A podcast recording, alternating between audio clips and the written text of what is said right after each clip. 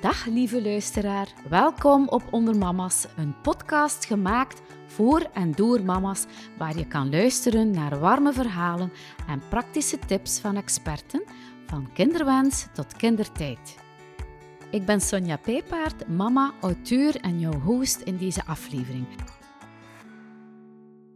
Dag Riet, dag Christophe, welkom bij Onder Mama's. Dag Sonja, dankjewel dat wij erbij mogen zijn vandaag. Dank u voor de uitnodiging. Vandaag hebben wij een gesprek over eh, leven in armoede, want eh, maar liefst 1 op 5 kinderen in België groeit op in armoede. Dat zijn cijfers waar wij als mama-community toch even stil van worden. Vandaag heb ik dus uh, Griet Roets te gast, professor dokter in de vakgroep Sociaal Werk en Sociale Pedagogiek, verbonden aan de Universiteit van Gent. Vertel eens wat meer over jezelf, Griet, jouw gezin, je interesses, je vakgebied. Ja, belangrijk om mee te geven is het feit dat ik geboren en getogen ben in West-Vlaanderen. Geboren als vijfde dochter in een gezin met zeven kinderen. Met zes meisjes en één zoon, dus dat kan wel tellen. Ja, ja. Daarna, ja, qua studies ben ik opgeleid als uh, master in de pedagogische wetenschappen, waarna ik mijn doctoraat ook daar heb gemaakt. En dan in 2008 begonnen ben op de vakgroep Sociaal Werk en Sociale Pedagogiek. Sindsdien is alles wat te maken heeft met armoede en sociale ongelijkheid een centraal thema in alles wat ik doe voor onderzoek, onderwijs en dienstverlening. Mm Mooi. Momenteel woon ik in Brugge met mijn partner Rudy en mijn twee zonen. Uh, een tweeling, dus dat is ook wel bijzonder, Ja? die nu op dit moment 25 zijn en een stukje weg aan het zoeken zijn in het leven. Voilà. Mijn tweede gast is dus Christophe de Boever, bestuurder bij Pelicano. Wie is Pelicano? Wie ben jij? Wat is jouw rol in de organisatie, Christophe? Ik ben eh, bestuurder in Stichting Pelicano en ben daar eigenlijk al bij betrokken bij de stichting sinds de oprichting. Ik ben zelf papa van drie dochters. De oudste is ondertussen ook 21. De jongste is of wordt nu bijna 18. Ik ben een Oost-Vlaming, dus geboren in Gent, ook woonachtig in Gent. Altijd een carrière gemaakt in de financiële wereld, als accountant, als fiscaal raadgever. Maar eh, van jongs af aan was ik toch al begaan met filantropie. En ik was dan ook bij de oprichting van de stichting in 2008 ook al betrokken als eh, mede-oprichter, maar weliswaar vanaf de zijlijn. Omdat wij als accountant ja, toch eh, onder strikte regels dienen te werken, qua deontologie en dergelijke meer. En het is eigenlijk nog maar sinds een jaar of twee, drie dat ik nu fulltime bij Stichting Pelicano aan de slag ben. En ik doe dat daar als eh, ja, verantwoordelijke voor de fondsenwerving bij bedrijven, verenigingen en serviceclubs. Hele. Hè? Ik heb dus hele belangrijke gasten eh, vandaag. Dan groei je als kind op in armoede. Hè? Wat zijn de gevolgen voor deze kinderen die in kwetsbare gezinnen opgroeien? Maar ik denk dat eh, als het gaat over beschermende factoren in het leven van kinderen eh, die ouder worden ook, dan is natuurlijk onderwijs een heel belangrijk element. Hè. Een diploma halen, hè. dus dat, dat middelbaar diploma halen, dat is gewoon cruciaal voor de kinderen. De impact dat dat heeft op de betekenisverlening van de kinderen. En ook daar hebben we toch wel frappante evidentie uit onderzoek dat kinderen veel sneller dan we denken er zich eigenlijk een stukje bij neerleggen van het gaat toch niet lukken in het leven. Hè. Zij doen dat niet met morren en klagen. Hè. Ze vinden, allee, kinderen hebben vaak veel veerkracht. Ik heb zelf onderzoek gedaan bij jonge kinderen in armoede tussen 8 en 12, die ja, rijke verhalen aan het vertellen waren van, van hoe zien mijn leven eruit. Zij klagen niet, hè. maar je ziet dat veel van hen, dat was een van mijn vragen toen, van wat wil je later worden en wat wil je later doen?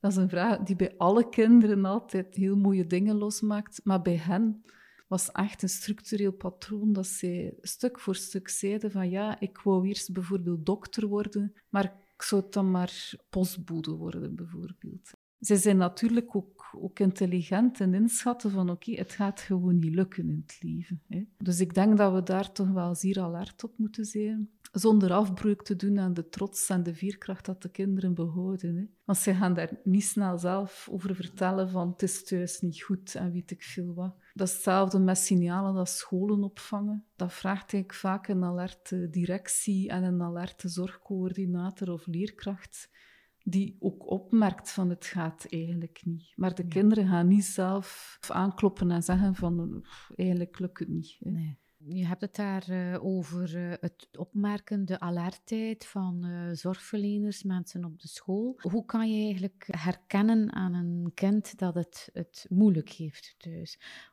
Zijn zij daarop getraind, ook leerkrachten, onderwijsmensen? Zijn dat de mensen die dan in eerste linie kunnen detecteren? En wat doen ze daar dan mee en hoe? Ik denk dat er een aantal signalen zijn die snel in het vizier komen. Hè. Lege boterhamdoos, lieren van kindjes of gebrek aan schoenen bijvoorbeeld. Of ja, gebrek aan schooltassen enzovoort. Wat natuurlijk veel lastiger is, is om te weten dat eigenlijk veel van de kinderen, ik zeg het daar niet mee te koop lopen, net als ouders, maar dat je weet als ze naar huis gaan, dat er ja, woon maar in een huisvesting die slecht is van kwaliteit, waar het koud is, waar kinderen gebrek aan ruimte hebben ook. Hè. Dat, hebben we ook. dat is in toenemende mate het geval geweest in corona, hè, waar dat je eigenlijk weet van ja, je mocht geen verwachten van een kind om, om huiswerk te maken, maar als er geen ruimte is en geen tijd en het is koud en kinderen slapen niet goed, hebben honger, ja, komt ze dan maar terug op de schoolbank tegen de dag nadien. Ja, dat, dat heeft serieuze gevolgen ook voor,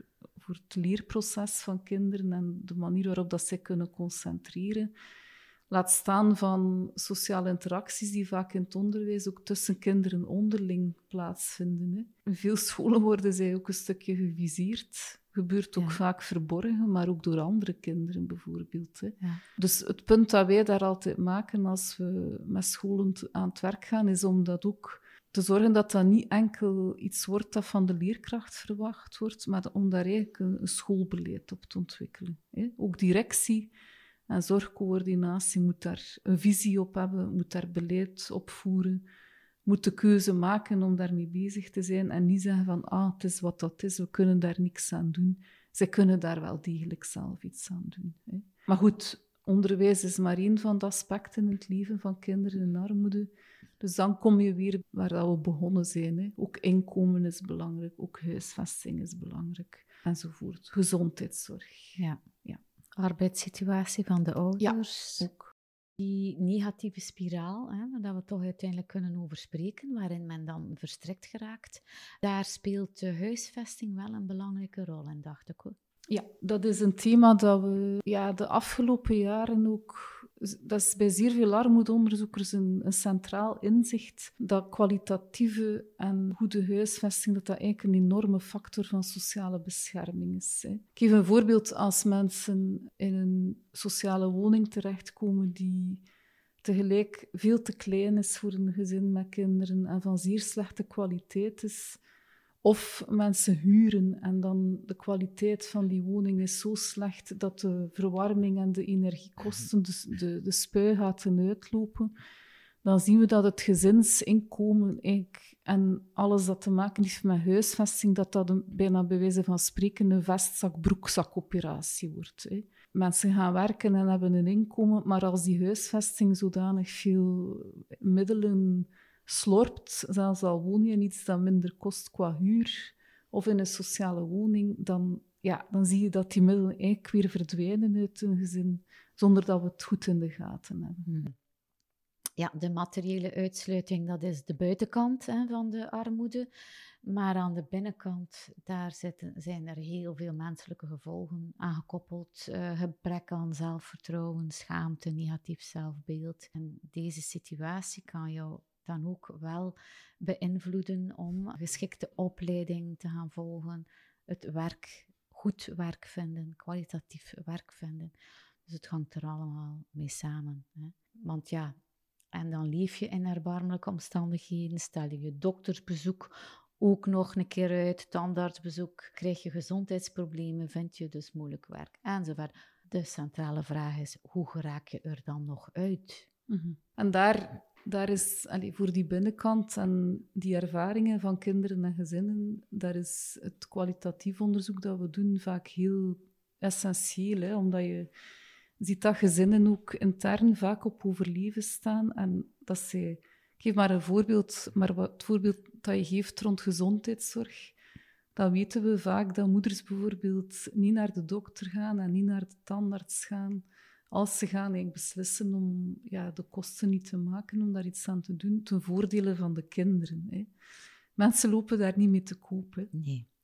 Ouders die het dan zelf wat moeilijk hebben, hoe kunnen ze dan hè, hun kinderen stimuleren om het ja, beter te doen? Dat is niet gemakkelijk, denk ik. Nee. Daar spreken wij bijvoorbeeld over het verschil tussen structureel armoedebeleid, dat zit op die herverdeling, maar ook het belang van medierend beleid. Hè. Dus ja, hulpverleners, vrijwilligers die ik met de gezinnen leren werken om dat op een respectvolle manier te doen en ook ja, een stukje duwtje in de rug te kunnen geven van oké, we gaan u ook een stukje helpen in het zoeken naar een betere manier van leven, naar een beter toekomstperspectief enzovoort. Hè. Ook daar hebben we onderzoek gedaan bij de ouders in kwestie, waar dat je merkt dat soms ook ouders zich er, ja, er geen weg niet meer uitvinden. Hè. Dan bijvoorbeeld zo'n mama een duwtje in de rug geven van oké, als we dat nu bekijken en herorganiseren met u en uw gezin, wordt het misschien ook wel mogelijk voor zo'n mama om weer een opleiding te gaan volgen en dan een diploma te halen en werk te vinden. Hè. Maar goed, dat gebeurt niet vanzelf. Hè. Dus daarom is het belangrijk om goede professionals en vrijwilligers hebben die dat leren begrijpen van waar gaat dat over, die armoede. En hoe kunnen we de gezinnen ondersteunen, zodat zij ja, terug die mobiliteit uit de armoede kunnen uh, ervaren. Hè. Op welke manier worden kansarme kinderen opgespoord? Nu, daar zijn denk ik enerzijds de signalen van belang, die door mensen die professioneel aan de slag zijn kunnen opgevangen worden. Bijvoorbeeld de scholen dat ik vernoemd heb. Daar toch ook altijd wel bij zeggen dat armoede vaak een verborgen en een verdoken probleem blijft. Dus je krijgt dat niet allemaal te pakken. En twee, ik vind voor een samenleving wel belangrijk dat er ook onderzoek gedaan wordt naar Waar we dat heel goed zien is bijvoorbeeld het, gezinsinkomen van gezinnen, om daar in, in de gaten te houden van oké, bij welke gezinnen gaat dat echt onder de armoedegrens. We hebben daar cijfers rond, ook in Europa. Dus daar kan je wel degelijk greep op krijgen van ja, over hoeveel kinderen gaat het en, en wie zijn de gezinnen. Hè? Die 1 op 5, dat is echt gebaseerd op dat onderzoek. Kansarme kinderen hebben het vaak moeilijker op school. Die thuissituatie vergt veel van hen presteren, soms minder goed. Hebben zij een grotere kans op een leerachterstand? Ja, ik denk dat we dat al lang weten. Hè. Ook omdat allez, kinderen die achterop raken op school worden ook vaak geviseerd, onbedoeld. Hè. Maar twee, we weten ook uit onderzoek dat het onderwijssysteem dat wij hebben in België, dat dat eigenlijk die sociale ongelijkheid reproduceert in plaats van hem uit de weg te helpen. Ook daar zijn wij met België slechte leerling van de klas. Dat is echt zo. En dat, dat heeft met heel veel dingen te maken. Ook niet altijd met opzet gebeurt. Een van de dingen die ik voorlopig nog in veel opleidingen van leerkrachten bijvoorbeeld ontbreekt, is een soort van armoedebewustzijn leren ontwikkelen, van hoe kan je dat herkennen, hoe moet je daarmee omgaan. We slagen er voorlopig niet in, zelfs niet met, uh, in de opleiding van leerkrachten voor lagere scholen of middelbaar onderwijs, om daar een fundamenteel inhoudelijk aspect in de opleiding in te bakken. Dus uh, daar, daar zie ik dat dat heel verborgen ook, ook zich reproduceert, dat soort opvattingen en hoe komt dat dat je daar... Want ja, ik, ik voel dat je probeert en dat je dat erin wil krijgen. Vertel eens, waar zitten de hindernissen?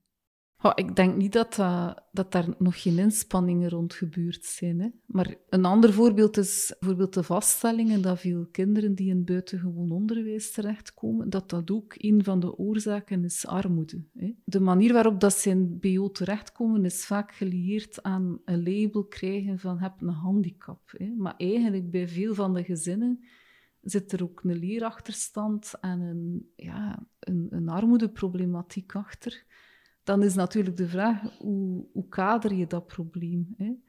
Ook daar zien we onder meer dat in de opleiding voor leerkrachten die in het lager onderwijs gaan werken, dat veel inhoud rond in het buitengewoon onderwijs werken zit daar niet in die opleiding. Dus ik denk dat we daar pogingen rond hebben. Hier en daar zijn daar wel goede voorbeelden van te vinden, maar structureel in dat onderwijs is dat niet ingebakken in de opleiding van leerkrachten. België kan eigenlijk nog veel verbeteren. Er is nog veel mogelijkheden om het eh, ten opzichte van andere landen in Europa dus beter te doen. Nu, welke steunmaatregelen worden er vandaag genomen om kinderarmoede aan te pakken, uh, Christophe? Wij als uh, Stichting Pelicano zijn natuurlijk actief in het domein van die schrijnende kinderarmoede. Wij splitsen ze op, hè, omdat ja, goed, één op de vijf kinderen leeft in armoede. Die groep is eigenlijk vrij groot. Hè. Als je het getal hoort, dan spreekt men toch over meer dan 500.000 kinderen die in armoede zouden leven. En natuurlijk, wij als stichting, wij kunnen dat niet alleen oplossen. Hè. Dat is een onmogelijke opdracht. Vandaar dat wij twee dingen doen. Eén, wij proberen samen te werken met andere organisaties die ook rond kinderarmoede initiatieven uh, ontplooien. Maar ten tweede, wij richten ons ook op die doelgroep dus van die schrijnende armoede. En dat zijn toch ook nog altijd meer dan 40.000 kinderen die dus echt leven in een situatie ja, die wij ons eigenlijk niet kunnen voorstellen. Het is een situatie waar die kinderen helemaal niks hebben. En wat doen wij als stichting? Wij proberen ja, financiële middelen ter beschikking te stellen van die gezinnen die in schrijnende armoede leven. Maar wij doen dat via zorgpartners. Zorgpartners zijn voornamelijk scholen, OCMW's uh, en andere, bijvoorbeeld advocaten, die toch uh, op zeer regelmatige basis in contact komen met kinderen. En natuurlijk op school, ja, een kind vertoeft daar in normale omstandigheden, want dat is ook al een uitdaging om kinderen in de schrijnende armoede ook effectief naar school te krijgen. Hè. Maar als dat kind effectief naar school gaat, dan is toch wel onderwijs een belangrijke mogelijke detector van problemen bij kinderen. En kunnen zij vrij snel detecteren van oei, daar is daar iets mis met één of meerdere kinderen. Maar wat doen wij dan? Wij, eh, dus die, die zorgpartners, die scholen, kunnen bij ons, eh, bij Stichting Pelicano, een aanvraag indienen voor financiële ondersteuning van het kind in kwestie. En wij proberen dan het geld ter beschikking te stellen dus van die zorgpartner, zodanig dat hij of zij kan instaan voor dus de verdere behoeften van het kind. Pelicano, dat is een non-profit organisatie die zich dus dagelijks inzet hè, om kinderarmoede te bestrijden. Jullie spreken ook altijd over Pelicano-kinderen. Uh, dat klopt. Ah, wel, wij spreken van een Pelicano-kind vanaf het ogenblik dat een kind door Stichting Pelicano aanvaard wordt om het financieel te ondersteunen. Hè.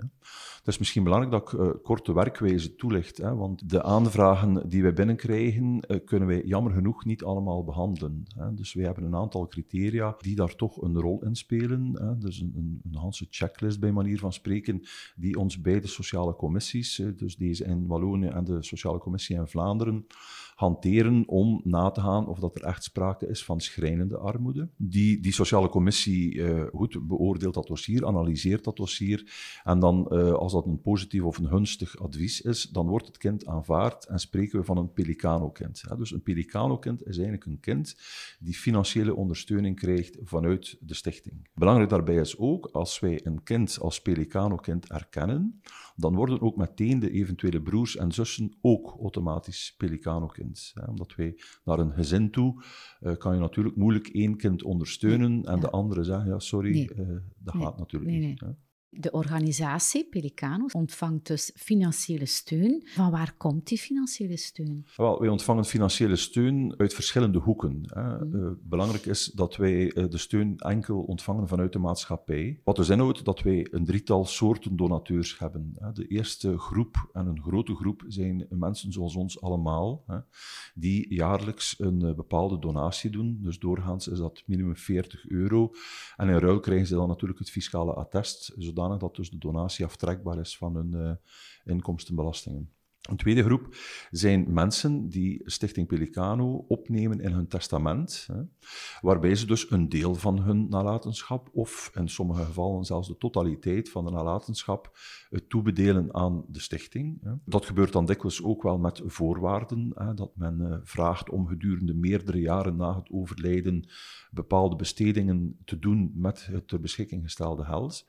Maar natuurlijk, uit die testamenten niet, komt niet alleen geld uit voort. Uh, het gebeurt ook heel vaak, of toch regelmatig, dat wij ook ja, roerende goederen erven en inboedel, of zelfs onroerende goederen, het gebouw zelf. En voor die laatste uh, proberen wij eigenlijk ook altijd de zaak zo snel mogelijk te verzilveren aan een zo goed mogelijke prijs. Want ja, hoe meer we kunnen uh, krijgen voor die verkoop, ja, hoe meer Pelicano-kinderen we kunnen ondersteunen.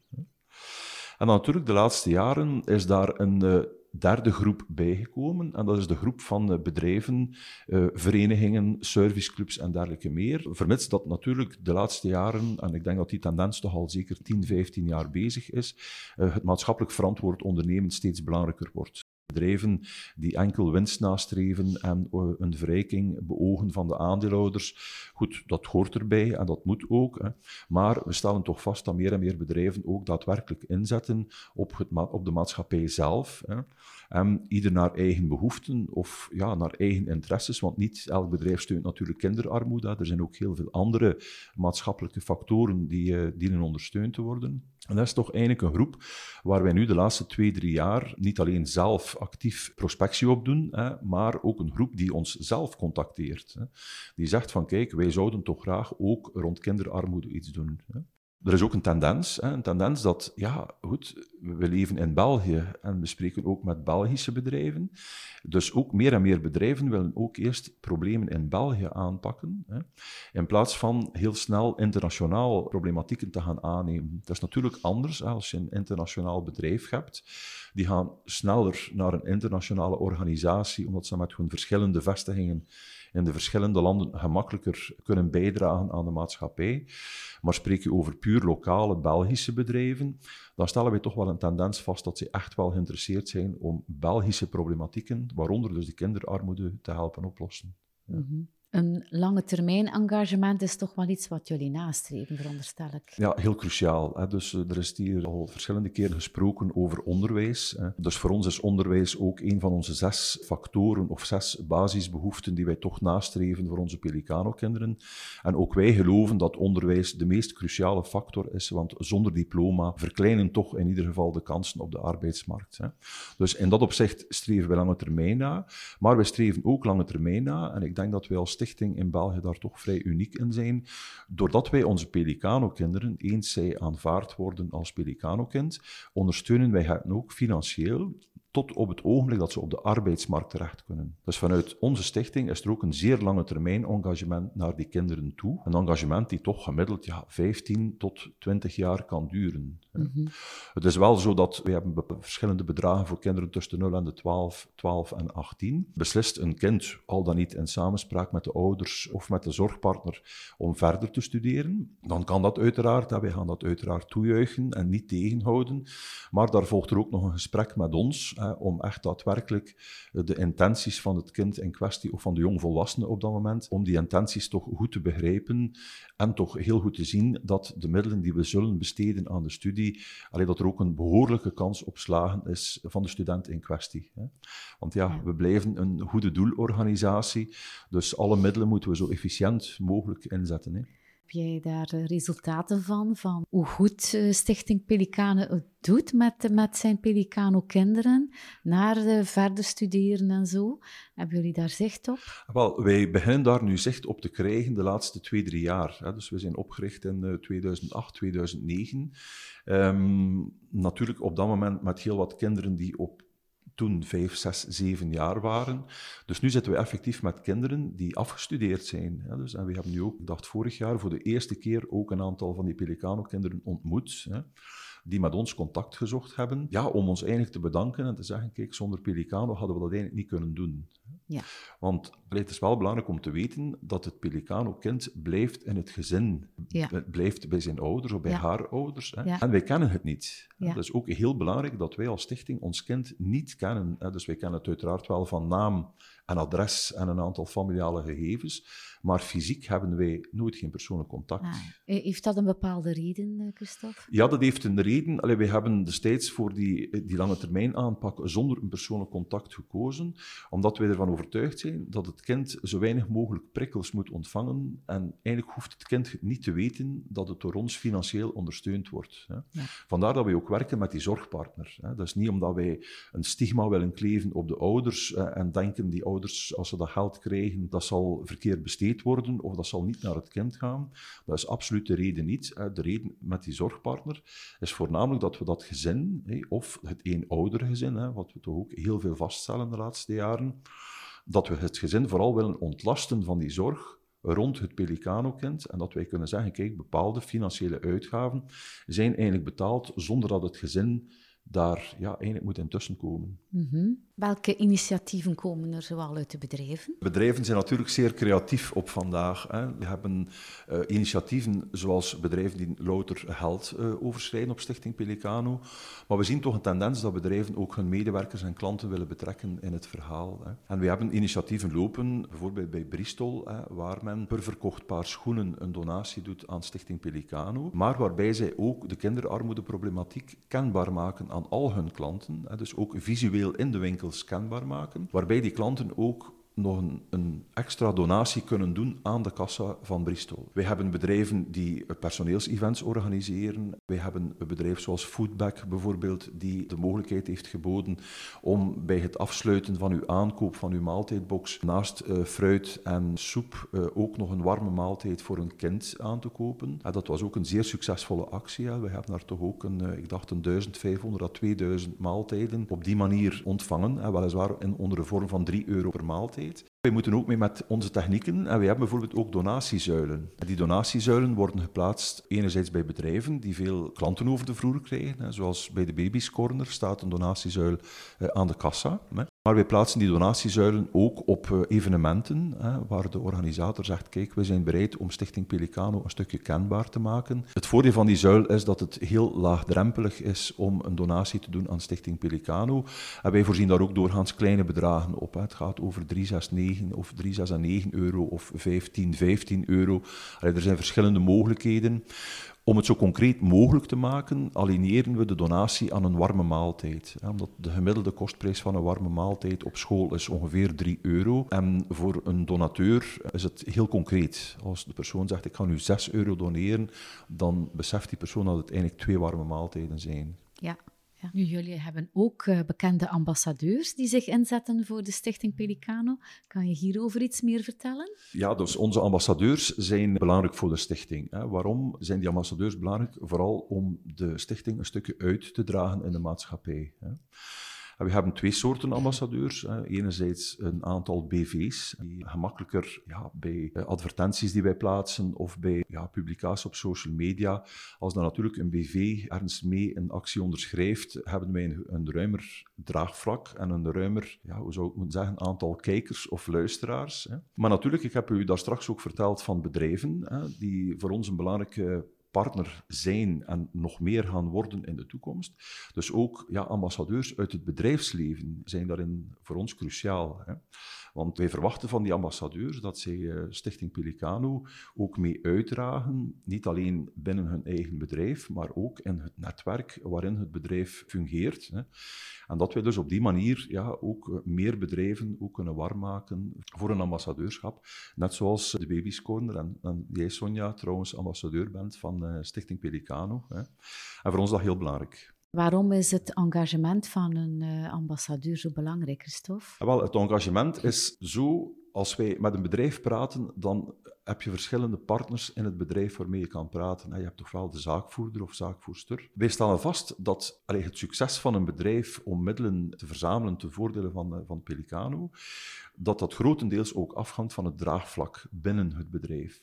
En vandaar dat dus die ambassadeurs uh, allee, dat wij toch aan die ambassadeurs vragen van kijk, het is niet alleen het bedrijf in kwestie dat je eventueel kan warm maken om kinderarmoede een warm hart uh, toe te dragen, maar het zijn ook de medewerkers van het bedrijf en misschien zelfs verder nog ook de klanten of andere stakeholders van het bedrijf die een belangrijke meerwaarde kunnen betekenen in de, ja, in de perceptie en in de hulp om die kinderarmoede te gaan oplossen. Hè. Ja. En dat is eigenlijk vooral hetgeen dat we verwachten van die ambassadeurs, om ja, mee uit te dragen waar wij eigenlijk voor staan en wat we eigenlijk willen oplossen. Ja, ja. Kan iedereen zomaar ambassadeur worden of toetsen jullie dit af aan een bepaald aantal criteria? In C zou iedereen ambassadeur kunnen worden, maar dat kunnen we natuurlijk niet doen en dat gaan we ook niet doen. Dus ja, wij gaan eigenlijk in onze twee categorieën, dus de BV's en dus de ambassadeurs uit het bedrijfsleven, toetsen wij natuurlijk wel af aan een aantal criteria. En het belangrijkste criterium is ook, zij moeten als individu, en dan spreek ik over de persoon achter,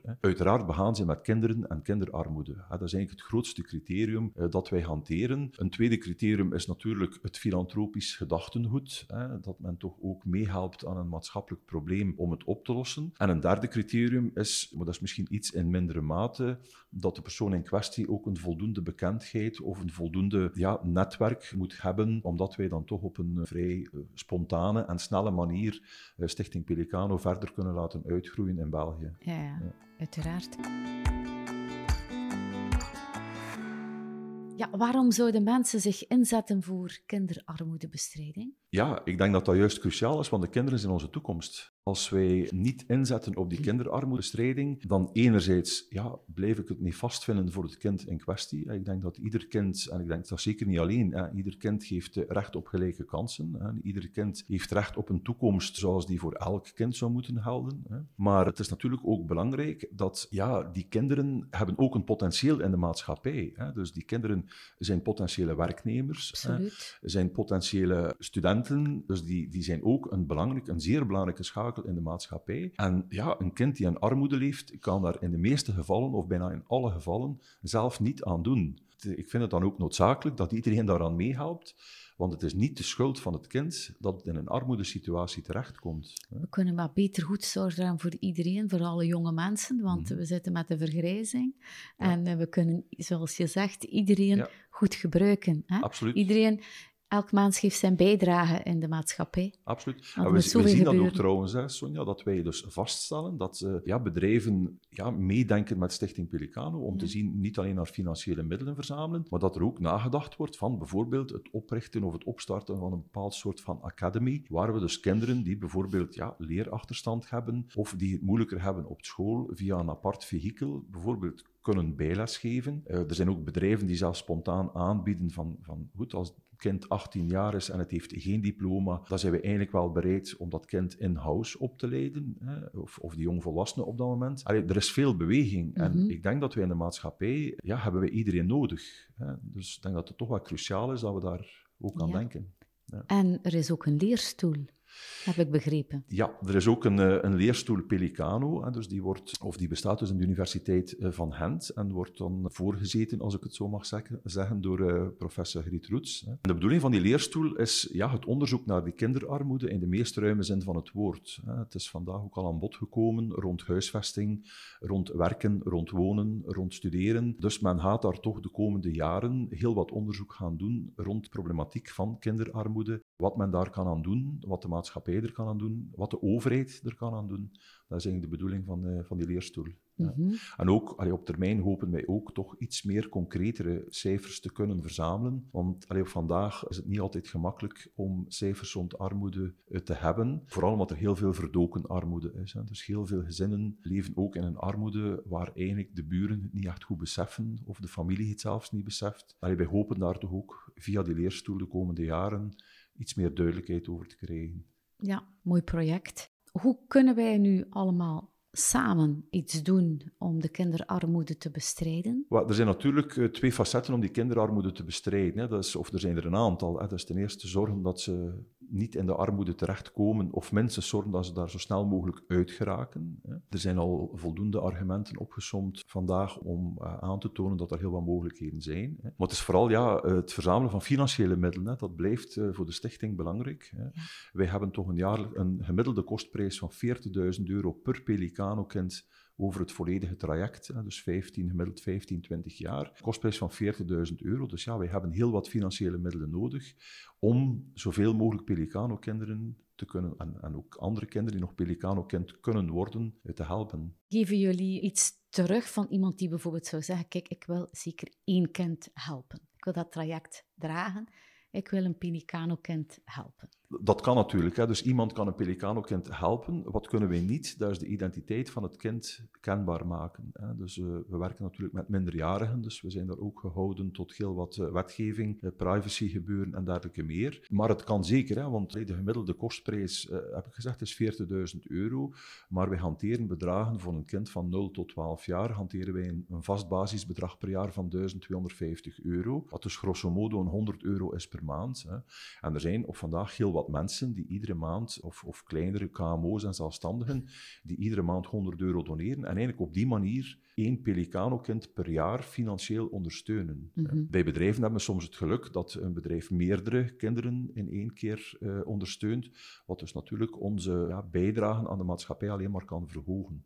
Hoe pakken zij dit aan? Zij gaan naar jullie website, de www.pelicano.be en verder. Wel, op onze website is eigenlijk heel veel inderdaad te vinden. Er zijn ook de verschillende doelgroepen die kunnen doneren, zijn mooi gedefinieerd op de website. Dus als u een particulier of bedrijf bent, kan u heel gemakkelijk van via Help mij of Help ons, kan u heel gemakkelijk klikken op het feit of u particulier bent of uh, bedrijf. En dan hebben we heel wat mogelijkheden uitgewerkt, vooral voor bedrijven, eh, hoe zij Stichting Pelicano kunnen ondersteunen. Dat gaat van financiële bijdragen tot het organiseren van acties, tot het organiseren van evenementen. Maar dat is allemaal eigenlijk gemakkelijk terug te vinden op de website. Hè. En vindt men het dan eigenlijk toch niet, of wilt men liever een persoonlijk contact, dan kan dat eigenlijk ook via e-mail, via business.pelicanofoundation.be. Dankjewel, Griet en Christophe, voor dit gesprek. Uh, dat dit een aanzet mag zijn voor velen om zich in te zetten en samen met ons de kinderarmoede te bestrijden. Want elk kind heeft toch recht op een warme thuis en een goede start in het leven. Eh, graag gedaan, Sonja, en eh, bedankt dat we hier te gast mochten zijn. Maar dankjewel voor het uh, wijze en verfrissende gesprek. Bedankt om er opnieuw bij te zijn in deze aflevering van de Onder Mama's podcast. Vergeet zeker niet om je te abonneren op onze podcast. Neem een kijkje op ondermamas.be en volg ons op Instagram voor extra warme content van zwangerschapswens tot kindertijd. Tot de volgende keer.